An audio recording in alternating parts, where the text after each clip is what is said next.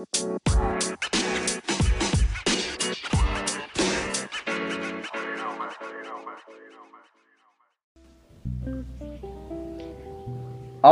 welcome to Talk Now.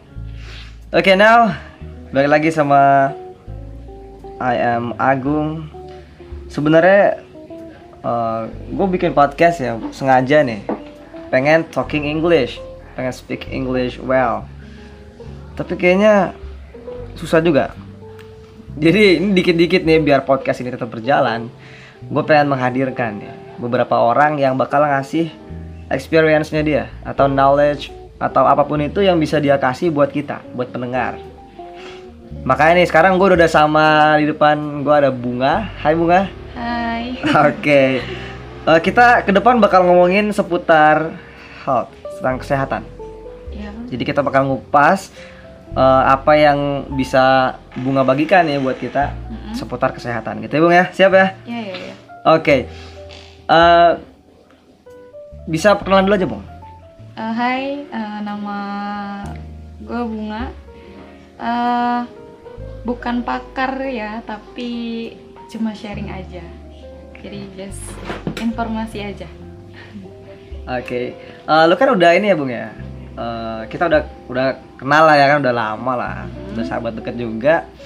Lu berarti udah enam tahun nih berkecimpung di dunia kesehatan ya nggak? Hmm, Enam ya, tahun lah sekarang dibilang, Ya, gitu. Nah, jadi ya gua anggap lu udah paham lah tentang kesehatan sedikitnya daripada gua gitu. Soalnya gue jujur aja gue dikit banget sih tahu tentang kesehatan nih. Iya, kalau gue pribadi dan mungkin orang di luar sana juga sama ada yang kayak gua atau bahkan ya masih kurang gitu tentang kesehatan. Aha. Jadi lu bisa berbagi lah di sini ya kan. Oke, jadi sekarang lu lagi ngapain nih, Bung? Coba cerita dulu dong tentang diri lu dulu. Eh, gue sekarang kesibukannya kuliah, kuliah aja. Kalau dulu, kalau dulu sambil kerja, jadi kuliahnya telat. Eh, sekarang baru masuk kuliah nih semester Oh. 3 di keperawatan. Perawatan ya. Oke, berarti fokusnya ke perawatan nih. Yep. Oke, eh, kenapa tuh perawatan, Bung? Kenapa perawat ya? Basic gue sebenarnya udah perawat sih. Dulu itu, dulu itu waktu SMP seneng ikut PMR, ya kan? Main tandu, pemeriksaan fisik. Kalau dari Ya, awal aja udah ya. basic pemeriksaan fisik gitu kan. Jadi lanjut eh, SMK, di SMK-nya juga SMK keperawatan, gitu. Makin tertarik dengan dunia keperawatan, eh, dunia kesehatan.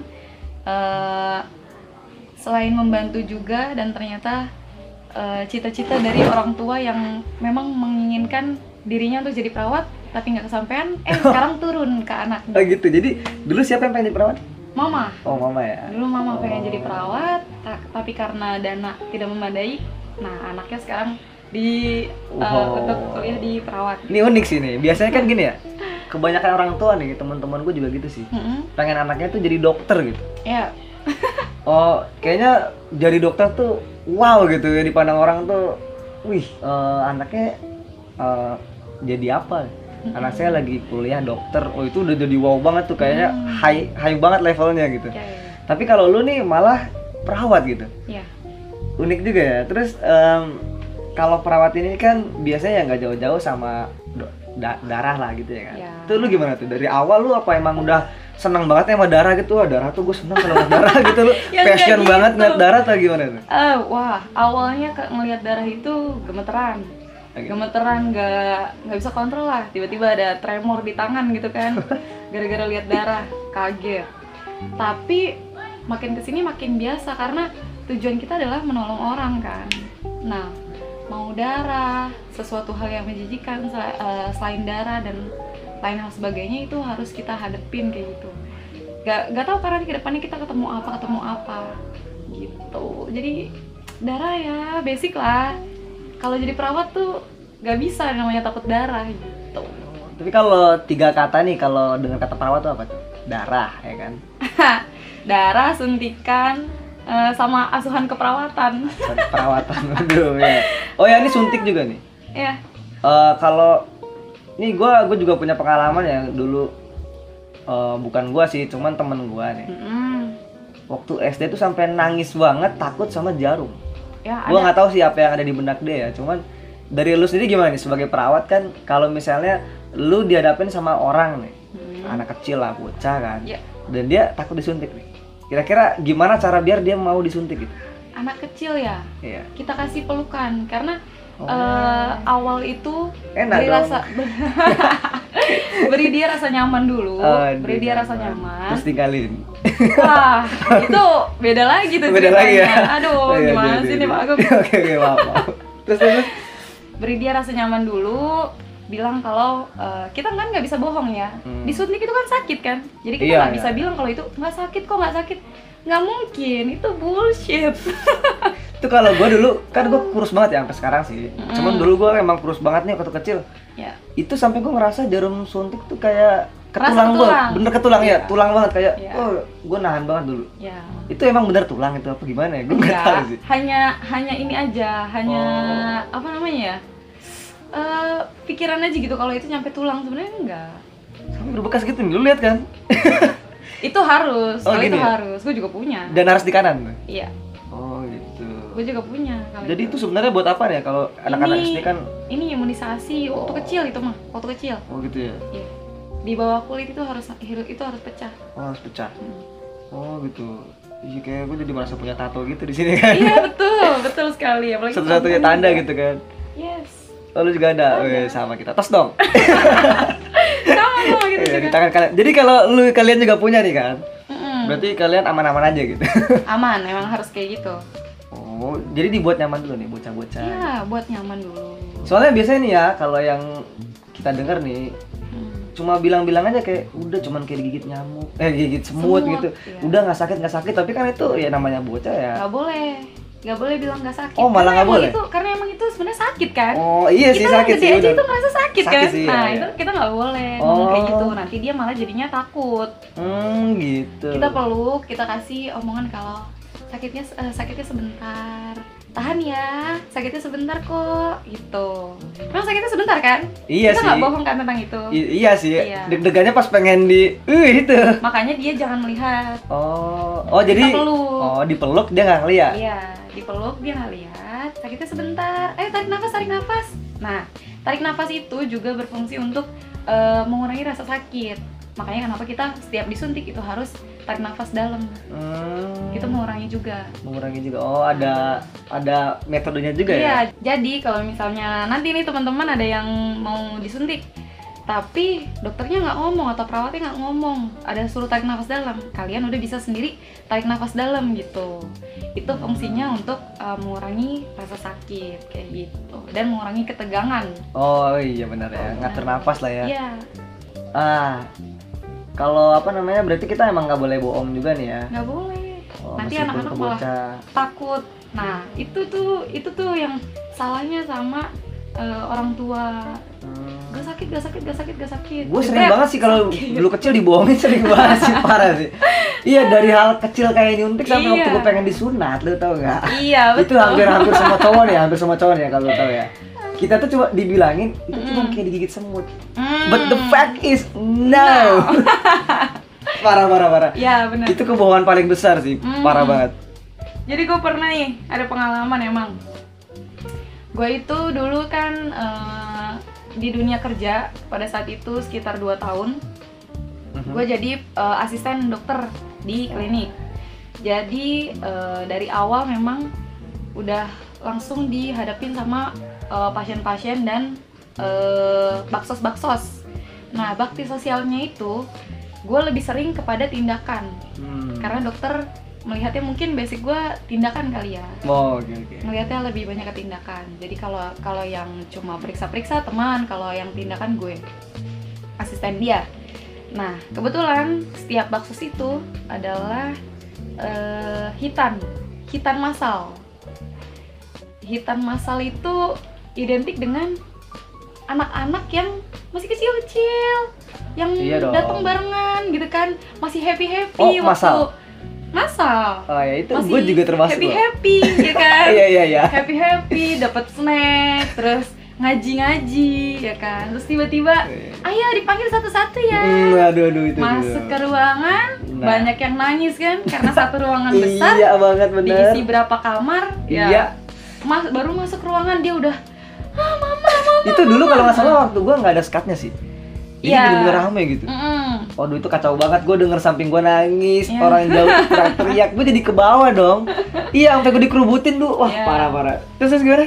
kalau mungkin mungkin sekarang juga masih ada kali yang nggak ada skatnya ya tapi Hmm. kalau gue dulu itu di skat semua Hmm. jadi harus ada skatnya karena kalau dia nggak ada skatnya dia melihat orang lain itu malah jadi takut beneran jadi takut Hmm. jadi takut eh, udah dari itu yang gue rasain awalnya banget dulu, Eh. parah Gue sampai berontak tau gak? Sampai orang-orang tuh bener-bener megangin gue gitu Ah, ah. Takut asli Gue konyol banget sih saat itu Gue cuma takut ya itu eh, Gimana ya? Deg-degan gitu, padahal ya belum diapa-apain, cuma deg-degan Ya. juga iya iya pasti pasti Cuman ya pas itu dilakuin ya santai aja sih, nggak ada apa-apa ya emang. Dan katanya sih waktu gua lagi disunat ya, eh, ini asli banget nih. Jadi emang nggak ada darah yang keluar sih. Gue juga nggak tahu kenapa sih emang itu itu asli di gue. Itu nggak ada masalah kan sama gue ya? Nggak ada kalau misalnya eh, lu udah lu udah santai atau lu Hmm. udah cooling down gitu Oh iya iya. itu bakalan Oh, lancar gitu Oh gitu. ada banyak gue tuh dalam dua tahun bisa ada berapa ya empat empat kali empat kali hitan masal kayak gitu Hmm, uh, banyak juga ya. nah iya satu kali hitan masal itu sekitar ada 200an lebih Oh my orang. god, itu kalau teriak bareng-bareng gimana dong? Paduan suara kalah dah. gini di satu ruangan itu kayak ada 10 bed 10 tempat tidur Oh iya iya. jadi masuknya 10 10 10 kayak gitu Hmm. tergantung kecepatan si dokter juga ngerjainnya kan Oh berarti itu butuh banyak perawat juga ya? banyak Eh, maksimal ya satu lah kadang eh, kadang kita dibantu juga sama dokter-dokter yang eh, apa namanya belajar dokter-dokter dari universitas universitas universitas Oh jadi satu orang nih satu perawat, Uh-uh. satu dokter gitu? satu orang ini eh, biasanya ya ada dokter yang bawa perawat sendiri tapi Hmm. eh, ada juga dokter yang nggak mau ditemenin sama perawat jadi hanya sama anak-anak siswanya aja gitu Oh, iya, ada iya, juga gitu nah udah eh, udah kayak gitu kan banyak banyak kejadian kayak meronta-ronta sampai harus ah, sampai harus dipegangin ada juga anak yang berkata kasar gitu kan oh iya iya. itu itu sangat sangat sangat Eh tapi eh, lu amazing banget gitu Iya, iya. lu pernah ngeliat kan video yang anak kecil gitu sampai dia isti- istighfar terus tuh itu. itu Bagus itu, banget sih itu gue. itu malah bikin adem Iya, iya, bener ada ya? ada yang sampai ngaji Allah Akbar iya sampai kayak gitu gue ngeliat videonya. Waduh ini orang fasih banget nih. iya Didikannya bagus nih gitu. iya kan. banget banget banget ada Jadi kan orang lain mungkin berkata kata kotor gitu ya, Iya. kata kasar gitu. Tapi kalau yang ini malah versi ngaji gitu. iya benar bagus banget. bagus benar banget. jadi dia nggak dipegangin sama Mhm. orang tuanya tapi orang tuanya stay di Mhm. di sebelahnya Oh berarti emang orang tua harus ada di sampingnya. Eh, bisa salah satu bisa dua-duanya Hmm. Oh masih Jadi nggak gitu bisa ya. masuk eh, nggak bisa masuk rame-rame kan Hmm. bisa salah satu atau dua-duanya biasanya orang tuanya yang mandu ayo istighfar istighfar kalau nggak dokternya ayo ayo ngaji yuk Eh, yang eh, apa surat apa yang udah dihafal kayak Wih, gitu dokter. Kalau- harus harus bisa berkomunikasi agar si pasiennya juga rileks Kalau kalau versi gue sih ya semua orang dateng sih ya karena gue meronta banget. ah gue nggak mau. Waktu disuntik tuh suntikan pertama tuh ngerasa sakit gitu kan. iya Gue tapi lupa rasanya sih. hilang. Iya iya lama-lama biasa aja makanya di awal-awal doang gue sampai waduh iya semua orang lilin gue tuh kacau abis tapi akhirnya oke beneran lancar lah. Iya. Alhamdulillah lah. iya pasti alhamdulillah Alhamdulillah juga nggak semuanya kepotong kak. ya ampun aduh Iya. serem juga itu iya. Eh, banyak sih metodenya ya gue ngeliat ada yang dia dikasih mainan gitu di tangannya waktu disuntik. ya itu biar biar dia teralihkan lah gitu Iya. terus dikasih eh, snack gitu. Iya. Gue sering suka nonton tuh di luar negeri gitu emang metodenya unik-unik sih. Aha. Kalau di sini dipakainya ya kayak gitu ngaji dan komunikasi lain kayak gitu. Hmm. Terus nih eh, lu kan perawat nih. Nah, Eh, sebenarnya ada apa sih di dunia perawat gitu? Ada apa? Iya. Aduh banyak. Apa tuh? Yang yang perawat banget gitu deh, yang wah nih gue nih perawat nih gitu kayak lu bangga gitu. Apa tuh? Bangga jadi perawat ya. Iya. Eh, pertama gue udah tahu duluan tuh obat apa yang harus Oh, oh dipakai. iya benar-benar. Itu itu pasti itu pasti penanganan yang paling penting. Tapi kan lu bukan rumah. apoteker gitu. Bukan. Oh lu pelajari itu juga? Belajar karena kan semua eh, obat yang diberikan ke pasien kita juga harus tahu. Dan Hmm, oh dosis. iya juga dia. kita juga ngitung dosis kita juga lihat obat kayak gitu. Hmm, obat ini iya. gunanya untuk apa? Efek sampingnya apa? Kayak gitu. Uh, berarti lu nyambi jadi apoteker juga ya? iya waktu di klinik kayak gitu. Jadi di klinik itu eh, apoteker ada apotekernya tapi kadang perawat juga bisa untuk memberikan eh, si obat itu gitu. Oh dulu ya di klinik lu itu ya, lu pernah kerja itu ya? Mm-mm, kayak gitu Acara juga tuh. banyak banyak ininya ya kalau perawat itu semuanya dipegang Ya? Hmm. farmasi iya analis tapi analis itu nggak ke kimianya ya maksudnya ngambil darah Hmm. ngambil sampel kayak gitu ada eh, terus juga eh, bidan maternitas kan juga ada itu bisa fisioterapi juga bisa jadi macam-macam gitu Oh, terus, jiwa pun banyak kayak gitu oh, terus yang yang lu tahu nih, apa sih anggapan yang salah orang nih mengenai perawat gitu? Yang kira-kira lu bisa benerin lah di sini buat pendengar gitu kan? Ah, perawat itu bukan dokter Hmm. Jadi perawat itu nggak bisa memutuskan eh, apa namanya, nggak bisa memutuskan eh, meresepkan obat-obat obat-obat gitu. Yang ada cuma buat diri kita sendiri aja gitu. Penanganan pertama dan itu dosisnya pun nggak nggak se nggak se ini dokter gitu kan. Tapi kita tahu penanganan pertama penyakit yang eh, kita derita atau keluarga kita derita gitu Hmm. bahkan kan penyuluhan kayak gitu ke rumah-rumah eh, agar mereka bisa menangani apa namanya mereka bisa menangani penyakitnya sendiri sebelum mereka ke klinik kayak gitu. Oh gitu. Iya. Oh jadi nggak langsung ke klinik gitu ya? Jadi kalau misalnya Kan banyak nih orang-orang yang Hmm. Kamu sakit apa nang gitu, kamu sakit apa? Ke dokter gitu, ke dokter lagi gitu, ke Iya. puskesmas gitu. Ah, Jadi gimana itu kayak gitu emang seharusnya kayak gitu apa? Kalau gue sih kalau sakit ya nunggu dulu ya ini sakit beneran apa cuma sakit-sakitan Ah. biasa gitu. Dan orang tua gue juga orang yang eh, ya tunggu dulu aja gitu minum apalah minum minuman yang bisa teh gitu kan Ah. buat ngelakin badan ah. nggak langsung gitu kan banyak juga teman gue nih teman kita lah ya kan Eh, orang tuanya bilang ya sakit langsung ke dokter Itu Hmm. emang kayak gitu sebenarnya gitu kalau dari Ah, sebenarnya ya, aduh susah tuh karena gini ya. eh, mindsetnya kalau misalnya kita sakit ya ke dokter kan gitu kan yang iya itu kan. dia sebenarnya harusnya bisa ditangani sendiri di rumah terlebih dahulu kayak misalnya kenapa ada eh, kita harus sedia P3K di rumah Hmm. P3K itu kan bukan cuma kayak perban perban dan lain-lain gitu kan. Pasti ada putih ya? obat-obatan. Iya ada minyak kayu putih Iya kan dong. pasti ada obat-obatan umum gitu. Oh, iya. pasti ada obat-obatan umum. Kecuali memang dia punya penyakit atau riwayat penyakit yang eh, eh, keras gitu. Apa sih? Eh, berbahaya. Berbahaya, oh ya. nggak bisa ditangani di rumah baru dia dilarikan ke rumah sakit. Kalau misalnya masih kayak flu flu kayak gitu.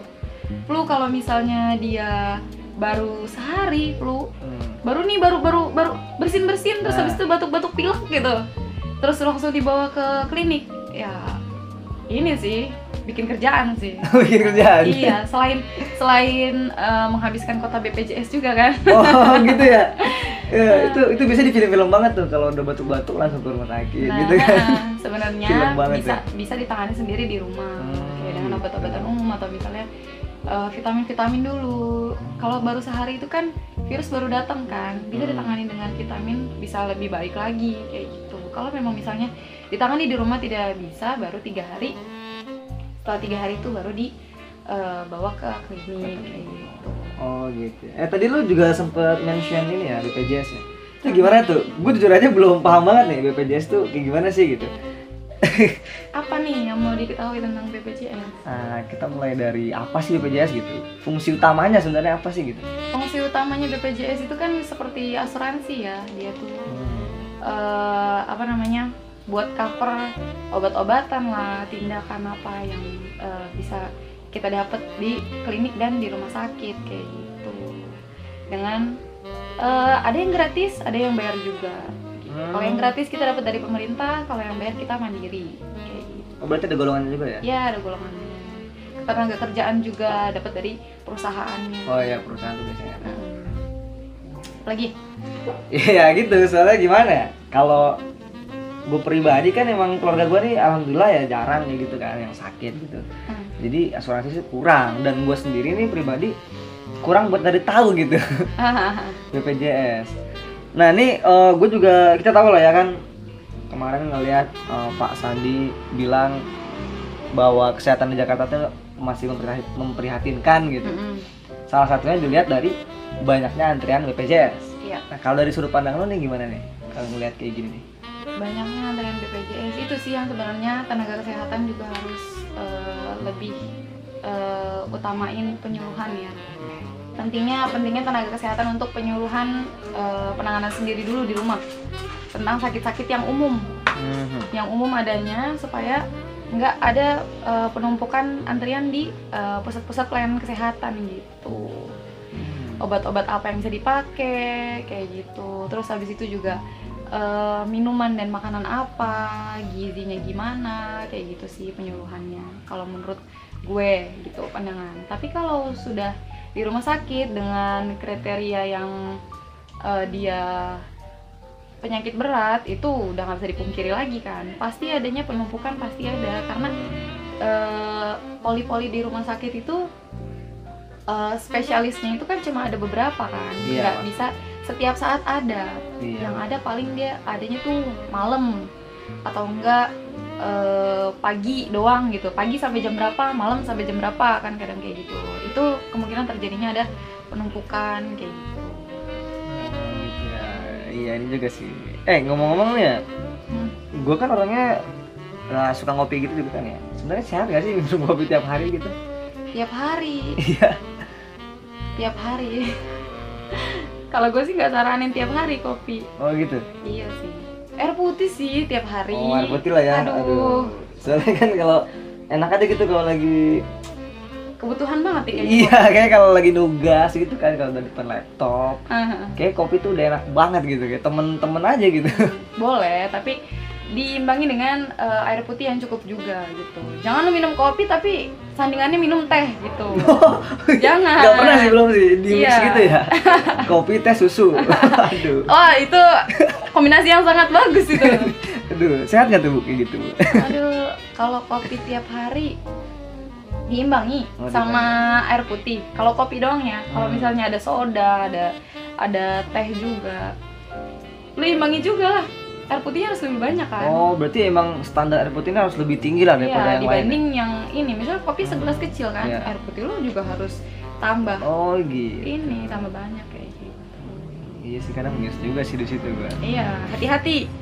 Kopi itu bukan bukan apa eh kelihatan itu bukan jangka sekarang tapi nanti saat lu tua waduh waduh 10 waduh gua jadi takut 20 gini tahun ke depan Hmm. gitu kalau misalnya lu ngopi gelasnya gede gitu kan iya iya iya nah tiap hari Oh. udah bablas bablas bablas anginnya iya bablas sudah Wah kayak ini juga bisa dipakai lah buat kita kita ya, buat pecinta kopi nih, Iya. cerita senja, hmm.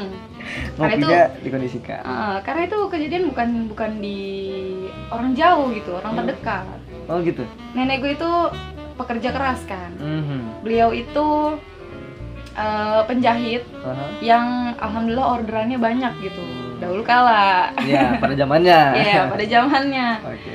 Nah, beliau suka minum kopi yang gelasnya itu sampai kayak seliter gitu. Waduh ini kopi Gelasnya emang gede banget nih. gitu kan. Haus banget kayaknya. Iya, karena memang pekerjaannya itu mengejar eh, jahitan itu kan Hmm. supaya selesai. Oh iya iya iya, hard work ya.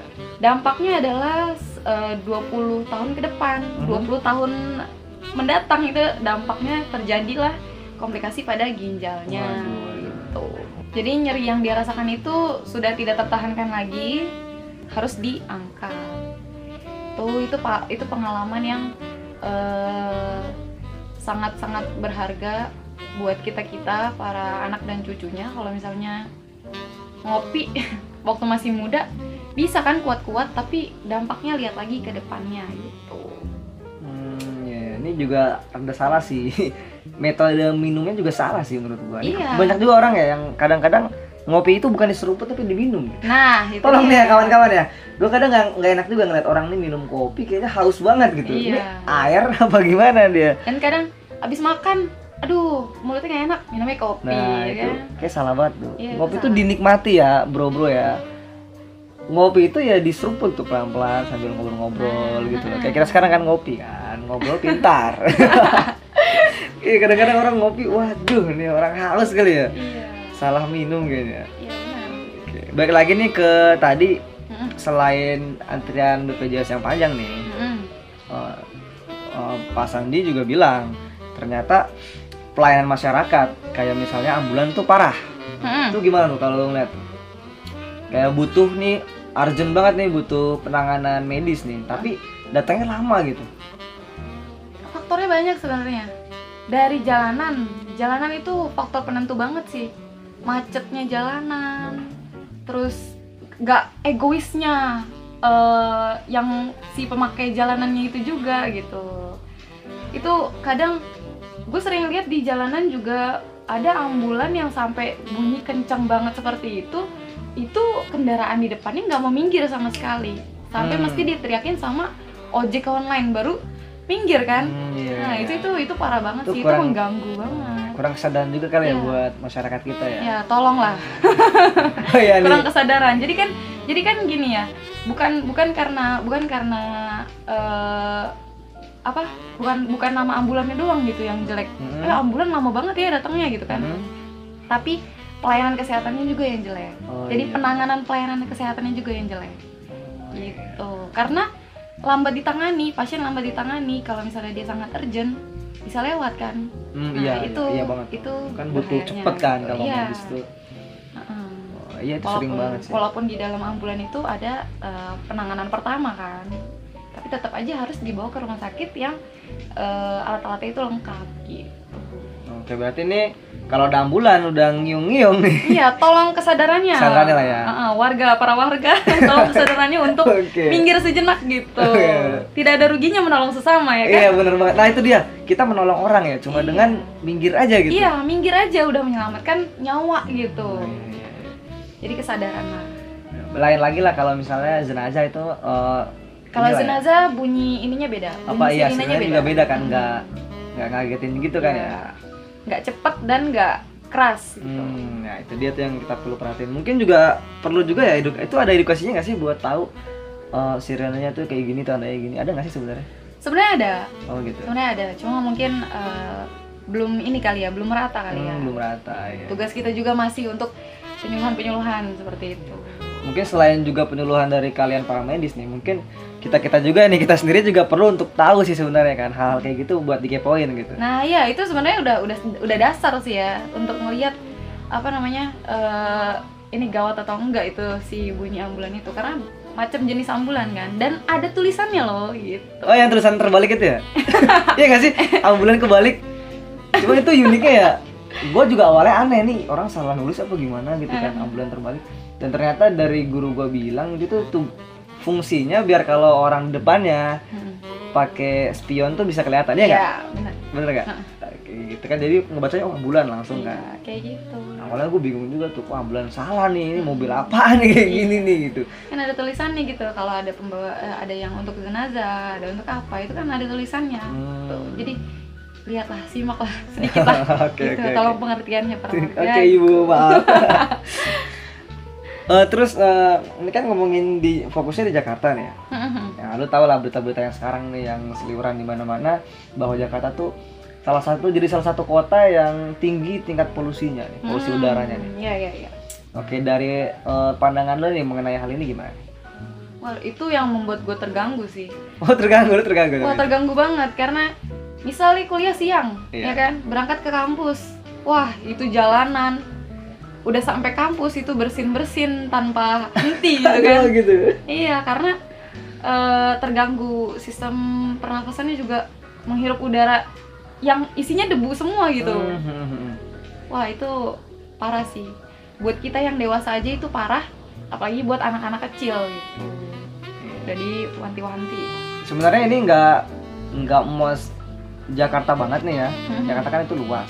Tapi ini kita bicara di Jakarta yang pusat lah ya. Hmm. Jakarta bagian Jakarta yang emang tinggi tingkat kemacetannya, Iya. jadi polusi udara juga tinggi banget. Dan gue juga ngeliat tuh kan ada standar ini ya, standar layak, eh, bukan layak sih, standar lingkungan udara bersih gitu. Mm-mm. Nah, gue ngeliat angka Jakarta dan eh, Bekasi nih itu tinggi banget. Iya benar. Nah, kalau dari lu sendiri nih, kita nih sebagai orang yang emang sih mungkin kita nggak pakai nggak gunakan kendaraan bermotor gitu pribadi baik motor ataupun mobil. cuman eh, kalau kita emang udah tinggal di sana gitu atau kuliah di Jakarta misalnya atau di, dari Bekasi ke Jakarta dari Bekasi yang eh, apa namanya industrinya kan banyak banget. Di Jakarta juga banyak nih. Hmm. nah dari eh, lu nih solusinya apa nih buat kita biar bisa tetap menjaga tetap sehat gitu? Eh, masker hmm, pakai masker. Penggunaan penggunaan masker penggunaan masker terus juga itu itu wajib sih ya. Kalau masker mau mau ke mana pun kalau bisa pakai masker kan. Terus bukan hanya bukan hanya debu doang tapi virus gitu yang ada di udara. Kalau udah seperti itu. Terus juga eh banyak banyak banyak banyak minum. Eh, pokoknya dipentingin banget dia banyak banyak minum kalau udara itu masker sih yang penting. Dan nutrisi. Kalau misalnya kalau misalnya nutrisi kita tercukupi anti eh apa namanya imun kita juga tinggi kan terhadap itu gitu. Hmm, oh, nutrisi juga perlu dijaga ya? Iya nutrisi perlu dijaga. Aspek aspek aspek lain selain pakai masker sih itu. Pelindung diri kan. Oh, iya aspek juga lainnya sih. adalah Oh, dari dalam gizi lah ya. dan iya dari gizi dan lain-lain protein nutrisi gitu ya. Vitamin butuh juga ya kan? Ah vitamin butuh juga. Oh, berarti nggak cuma dari luar tapi dari diri kita nih yang tadi lu bilang kan. Mm, juga minum air putih yang banyak. Iya. Berarti juga dari dalam nih kita harus protect juga lah ya? Iya, protek juga. Karena TBC tinggi banget kan di oh Jakarta. iya benar-benar. Karena ini ya. Iya, TBC tinggi banget. Mau mau dari mau dari udara yang berdebu, mau dari penularannya. Eh, ada orang batuk kita nggak pakai masker atau apa segala macam kayak gitu. Itu udah udah banyak banget sih. Makanya di makanya dipentingin banget untuk ayo tiap hari pakai masker kayak gitu. hmm, ya, ya, ya. Dan anak kecil juga. Anak kecil juga? Ya, Wah, kayaknya gue besok bakal beli masker. Sih iya. gue terakhir pakai masker ya gue pakai masker nih kan punya adik gue nih gue minta kan masker warna hitam. Ya ampun, Pak. gue pakai topi warna hitam. Ya gue Allah. ke kampus gue keluar kelas dibilang wih K-pop. Gue gue langsung dibilangin opa opa opa. Oh my god cewek-cewek itu. Ya ampun. Iya asli banget tuh. Itu gue pakai waktu itu dua dua hari lah ya. Gue digituin juga coba. Asem juga nih orang Aduh, pakailah ya sekali-sekali yang bunga-bunga gitu. bunga-bunga kali ya, Atau yang karakter variasi lah ya. gitu. adik gue punya yang hitam gitu. Kan gue kan ya gunakan ad- yang ada ya kan. Hmm. punya adik gue gue pakai aja gitu. Iya. terus gue juga emang pengen pakai topi gitu topi gue warna hitam. Aduh, sosok misterius gitu ya, Pak ya? ya enggak juga sih. Iya lu tau nggak waktu gue pakai itu gue kan ke kantor bapak gue nih Nah, ke kantor diem aja gitu karena gue emang udah sering lah ke situ kan. Gue masuk sapam gue disuruh balik lagi dipanggil dong. Waktu gue lagi pakai pakaian kayak gitu gue ditanya "Eh, mau nunggu siapa pak langsung buka aja Ya ampun. gue sampai dicurigain kayak gitu loh karena ya gue pakai masker pakai topi Iya. mungkin kalau sapamnya cewek mungkin gue diopa-opa gitu kan Ya ampun. Oh my jangan berharap. Aduh. enggak lah aduh, aduh, aduh. oke ini juga ini masih relate sih sama yang kejadian di Kalimantan ya Ah, ah. itu orang memang butuh banget masker sih ya asap-asap di mana-mana Sangat-sangat terganggu itu. Parah banget. itu kita prihatin banget sih ya Hmm. Sangat-sangat memprihatinkan. temen gua kemarin kan dia aslinya Kalimantan tuh Hmm. kuliah udah berjalan dia akhirnya nggak bisa ikut kuliah pertama tuh di hari-hari pertama karena penerbangannya di stop dulu tuh Iya, iya. jadi emang di sana tuh ya susah juga ya orang-orang sana mau beraktivitas kayak biasa bahkan pengen keluar juga susah Iya benar. Mau di rumah pun kadang asap juga masih masuk kan? Kan, tapi kalau kita misalnya pakai kipas gitu di rumah gitu fungsi nggak tuh Untuk asap yang setebal itu nggak berfungsi. Oh, nggak berfungsi ya Hujan, hujan buatan aja sekarang nggak berpengaruh kan? oh gitu Iya dari eh, kita juga pernah tanya eh, barusan ada teman kita kan Dari Hmm, Kalimantan oh, Barat. Kalimantan Barat ya yang bilang kalau misalnya eh, apakah hujan hu- hujan buatan itu berpengaruh?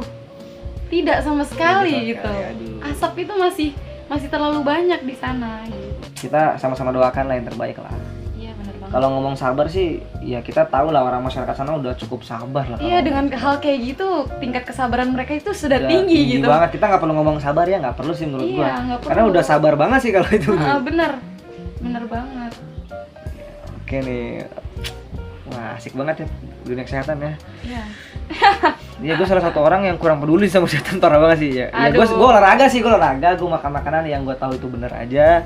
Gue juga mengurangi makanan kayak gorengan gitu yang berlebihan. Ya, Cuman gue ada yang gue poin-poin yang gue nggak tahu gitu kayak misalnya tadi lu sebutin eh, kita apa namanya minumnya lebih banyak air putih daripada yang lain gitu iya, kan. banget.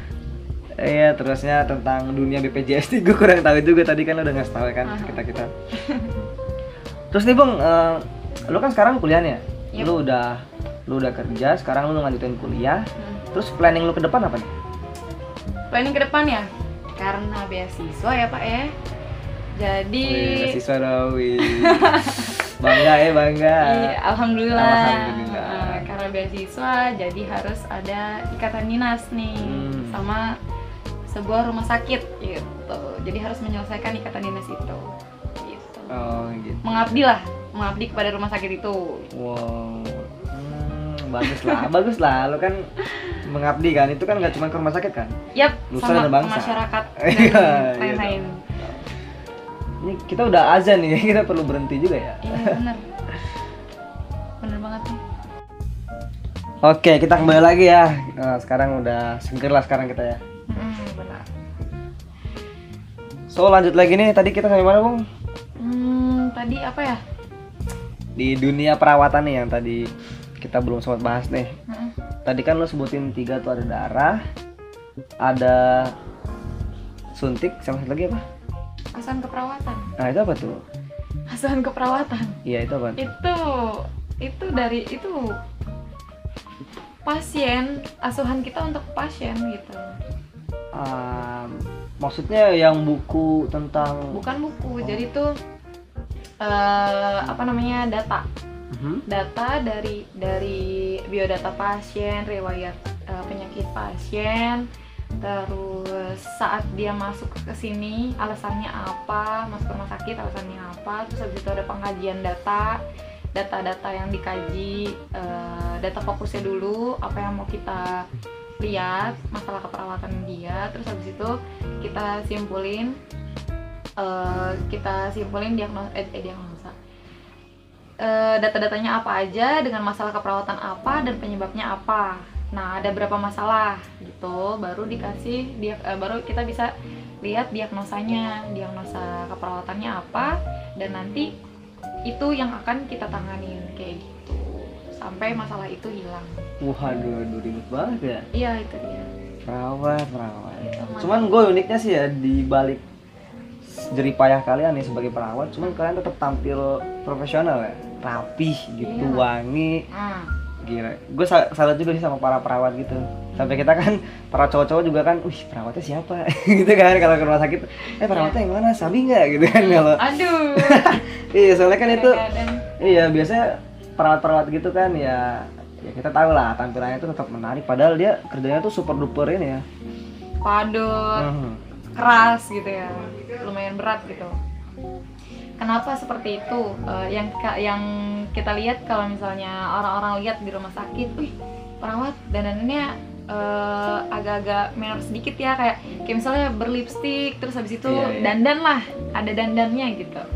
Kenapa seperti itu? Karena eh, kita ke pasien itu gak mungkin kan kelihatan kumal Hmm. pasien juga males dong ngelihatnya Oh iya, benar juga ya. kalau gue diajarin di kampus kayak gitu kita ke pasien itu untuk mengobati bukan makin bikin pasien tuh tambah sakit Wah iya iya. Ya Kalau kan? kita tampilnya buruk nanti malah tambah sakit nah ya. itu dia kita ada beban pikiran nih Heeh. ada beban pikiran terus kita bawa ke, ke dunia kerja Hmm. mau ngerawat pasien Iya. berantakan muka berantakan ya kan terus eh, apa ekspresi mukanya raut mukanya juga jutek jelek gitu ke pasien juga emang Oh, iya. ada ada ada seneng ya pasien enggak, Enggak, kan bad banget itu Auranya aja udah negatif gitu Nah ya. itu kenapa kita juga harus berpenampilan rapi untuk ke pasien tuh kayak gitu juga.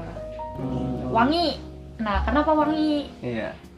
Fresh kan maksudnya. Mhm. Pasien tuh di sana ya bau obat, bau apa, bau apa. Tapi Oh kita iya, boleh rumah boleh sakit pakai. obat banget sih. eh, boleh pakai cuma nggak boleh menyengat banget gitu. Hmm. Oh ada aturannya juga ya. Itu berarti ada etikanya lah ya, etika perawat lah ya. Hmm, nggak boleh nggak boleh menyengat banget lah. Jangan sampai mengganggu. Kan ada yang ada yang juga ini kan apa namanya eh apa sensitif gitu yang jelas kita nggak bau gitu Oh, yang jelas nggak mau. iyalah kalau bau ke pasien pasiennya pusing tambah lagi dong masalah keperawatannya ya nggak Oh iya iya iya iya. itu dia Hmm, Terus eh, itu kan etikanya eh, perawat lah ya. Nah, tapi nih di undang-undang sendiri nih sebenarnya tuh jadi perawat tuh dilindungi atau enggak sih gitu? Karena kan ada sebagian profesi yang emang undang-undang tuh ada batasannya.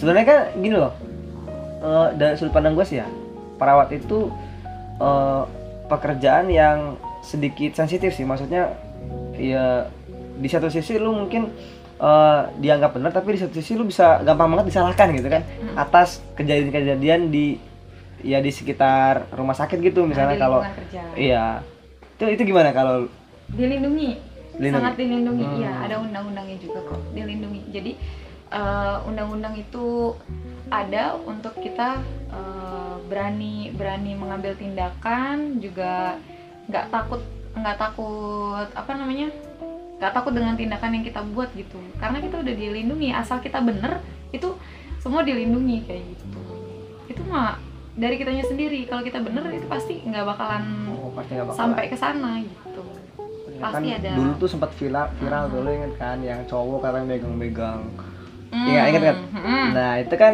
kayak gitu tuh di satu sisi kan perawat emang tugasnya kan ya kayak gitu kan Iya. Jadi gini, perawat itu mau perempuan mau laki-laki kita tidak bisa membedakan gender, Mhm. gender, eh, politik, terus habis itu strata, oh ya eh, kaya, miskin atau apa segala macam, Oh. terus habis itu memihak itu nggak boleh sama Oh, sekali. semuanya pasien gitu Semua rata, semua rata mau laki-laki, perempuan, anak kecil, lansia, ibu hamil, eh, pasien dengan eh, penyakit misalnya HIV dan Hmm. lain-lain itu kita nggak boleh membedakan. Nggak boleh itu harus membedakan. sama. Hmm. Sudah ditekankan dari awal bahwa kita itu menolong ya menolong dengan ikhlas, dengan tulus, tidak membeda-bedakan, tidak membeda-bedakan apa pun gitu. Iya. Hmm. Kenapa eh, masalah itu bisa? Mungkin karena eh, pasiennya beranggapan ada ada ada yang perempuan kenapa enggak kayak gitu kali ya. Hmm, iya, ya gitu kan. Ah. Ya biasanya kalau perempuan nih ya wajar sih ya mereka Hmm. naruh curiga gitu sama perawat yang laki-laki. Mm-mm. Ada yang perempuan kenapa enggak? Mhm. Lihat lagi di sisi lain, apakah perawat lain itu sedang ada di situ, sedang standby di situ. Kalau memang adanya perawat laki-laki di sana, mau nggak mau, kalian harus ditangani dengan dia gitu. Terdekat bisa- ya. Iya, kalian butuh pertolongan dia gitu. Mhm, Bukan Iya benar banget. bukan bukan bukan kita yang butuh kamu tapi kamu yang butuh kita gitu kan untuk menolong jadi tidak bisa membeda-bedakan eh, gendernya seperti itu Terus kalau misalnya nih, eh, ini kan kejadian perawat nih. Kayak yang tadi gue bilang kan perawat tuh emang ya, pekerjaannya sedikit rumit nih. Hmm. Karena bisa disalahkan ya nggak. Nah misalnya nih kalau em, ada penyakit yang sedikit parah lah. Nah ini eh, ternyata pasiennya itu eh, meninggal dunia. Nah itu ada nggak sih atau jangan-jangan banyak ya yang di mana perawat tuh disalahkan gitu atas kejadian kok bisa meninggal gitu Mhm. itu, itu gimana tuh kalau di dunia perawat? Itu sering kayak gitu? Terjadi kayak gitu atau gimana? Hmm, ada. Ada kejadian yang seperti itu. Eh, sepengalaman gua dan sepengetahuan gua keluarga pasien yang ditinggalkan atau pasien sendiri yang ditinggalkan oleh orang terdekatnya itu pasti salah satu fasenya adalah menyangkal. Hmm. kenapa? Bisa meninggal nggak mungkin meninggal dan bla bla bla. Oh, iya, gitu. iya. itu menyangkal. Dan lanjutan-lanjutan fase yang lainnya. Jadi yang perlu kita yang perlu kita ini kan ah, yang perlu kita eh, berikan ke pasien adalah eh, berikan pasien ketenangan. Tenangan Heeh. terus habis itu pokoknya eh, nggak bisa diinin nggak bisa diinin ya medisnya kayak gimana. Cuma berikan keluarga pasien ketenangan dulu. Mau berikan tenangan dulu. Heeh. oke. Setelah berikan ketenangan eh, apa namanya komunikasikan kalau ini sudah ini ya sudah jalannya tidak bisa di eh, tidak bisa di gimana ya kita sudah berusaha kita sudah berusaha semaksimal mungkin Ah, kita sudah berusaha kita sudah berusaha semaksimal mungkin Mhm. Eh, Allah berkehendak lain Berkehendak lain. Iya. Eh, perawat itu kan menolong kan Iya, benar. bukannya bukan berarti untuk menghidupkan kembali kan ya bukan Kita Tuhan tuh- ya kita bukan Tuhan. kadang iya kadang Iya. kita juga lupa sih Ya, jadi jadi ya itu sudah kehendak Allah seperti Hmm. ini dijelaskan oleh pasien dan akhirnya nanti dia akan mengerti baik. Mengerti. Oh, oh, oke oke oke. Bung. Nah, ini asik banget sih obrolan kita kali ini tentang dunia kesehatan ya. Mm-mm. Ini banyak sih yang gue tahu sekarang nih, mulai dari ya tadi lah banyak lah tentang eh, dunia perawat, tentang suntik juga, tentang ya minuman yang ternyata harus eh, diperbanyak lagi konsumsinya. Ah. Iya tentang ya dunia kesehatan dan mungkin ini juga bakal berguna untuk lain orang lain. So terima kasih banget ya Bung, Eh, lu yang sudah selama ini sudah 8 tahun berkecimpung di dunia kesehatan. Semoga lu tetap semangat ya di dunia ini, Ya, Eh, di, di ya di eh, kehidupan lu ini. Semoga aja lu tetap semangat untuk menjadi perawat. Amin. Ya semoga aja nanti eh, tetap bermanfaat buat orang lain. Amin. 8 tahun dan kemudian terus lagi. Terima kasih banyak waktunya. Kita bakal see you di kesempatan lain lagi, oke? Oke. Oke, Bung, sebelum kita pamit nih, mungkin ada kata-kata yang ingin lu sampaikan. Hmm, belajar tentang kesehatan itu penting ya, eh, walaupun bukan dari kesehatan, karena yang terdekat adalah kita lindungi dari keluarga sendiri dulu, ya nggak sih?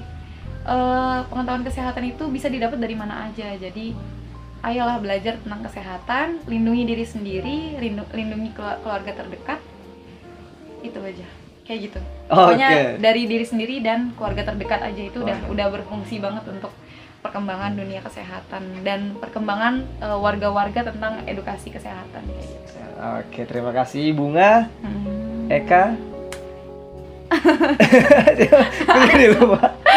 Bunga Eka Aprilia. Aprilia. Oke, terima kasih waktunya. Yap.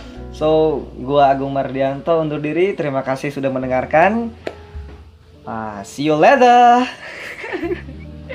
thank you, thank you, Bunga.